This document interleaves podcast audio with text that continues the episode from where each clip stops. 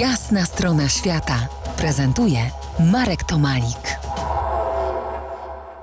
Gościem jasnej strony świata Peter Peruch-Szanowski, mieszkający w Kanadzie, narciarz ekstremalny, paralotniarz polskiego pochodzenia, autor książki Szus, czyli Jak przeżyłem samego siebie. Napęd do podróży odziedziczyłeś po rodzicach, głównie ojcu, który jako naukowiec wędrował po uniwersytetach na całym świecie, ale jako i odkrywca dorobił się członkostwa w y, Explorers Club. Pewnie lubiłeś tatę. No tak, no e, całe moje życie się zmieniło w roku 72 i 3, kiedy zamiast polecieć do Brazylii, bo ojciec miał rok wolny z uniwersytetu, aby e, no, nauki robić i wykłady w Brazylii, w Argentynie, zamiast polecieć samolotem, kupił Volkswagena Westfalię, poszliśmy do takiego dużego sklepu, kupiliśmy rzeczy na camping i pojechaliśmy w podróż, która razem trwała 14 miesięcy.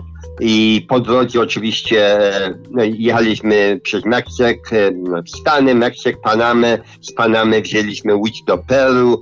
No i stamtąd przez środkową drogę, taki Central Highway, to był autostrada centralna Peru przez Andy, która była bardzo dziką drogą i tam zobaczyłem te piękne Andy i te piękne góry i rzeczywiście zacząłem marzyć, bo lubiłem jeździć na nartach, żeby może z tych gór kiedyś zjechać. Przepiękna trasa, a powiedz, przeczytałem w twojej książce, że do Argentyny wjechaliście tunelem po torach kolejowych. W ogóle to było możliwe? Jak to się stało? No tak, jak e, spadał e, duży śnieg, to droga normalna, która e, była wyżej, to była droga Santiago przez Portillo, to był ośrodek narciarski, dość wysoko, około 4000 metrów i był tunel kolejowy, 17 kilometrów, to był chyba najdłuższy tunel kolejowy na świecie i e, armia e, puszczała auta w jedną stronę. No, po torach się jechało, tak, e, po tych klockach od, od torów i bo było tylko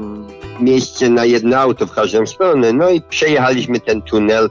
E, trochę się martwiliśmy, czy rzeczywiście armia zablokowała z drugiej strony, żeby nie zderzyć się z kimś. No i to była jedna z dużo przygód na tej podróży. To jeszcze sięgnijmy do Sierra Nevada de Santa Marta. Piękna nazwa. To nawet w dzisiejszych czasach jest y, taki raj z utopii. W latach 70. XX wieku to musiała być y, prawdziwa kraina Shangri-La, znana zupełnie z innych miejsc, z No Azji. tak, to jest bardzo specjalne miejsce, dlatego, bo jak Hiszpanie wylądowali w Santa Marta, Santa Marta jest w ogóle na Karibskim Morzu najstarsze miasto w całej południowej Ameryce. Jak tam Hiszpanie wylądowali, była taka duża kultura, bardzo podobna do Inków, do Majów, do Azteków i e, nazywała się Tyrona i ci Indianie uciekli w góry, to znaczy, bo góry były 30 kilometrów od, od plaży. To było za trudno, żeby Hiszpanie za, e, za nimi gonili, bo Hiszpanie tylko złota szukali, ale tam nie doszli. Ci Indianie do tego czasu mają swój własny język i żyją sobie pięknie jak 3000 lat temu.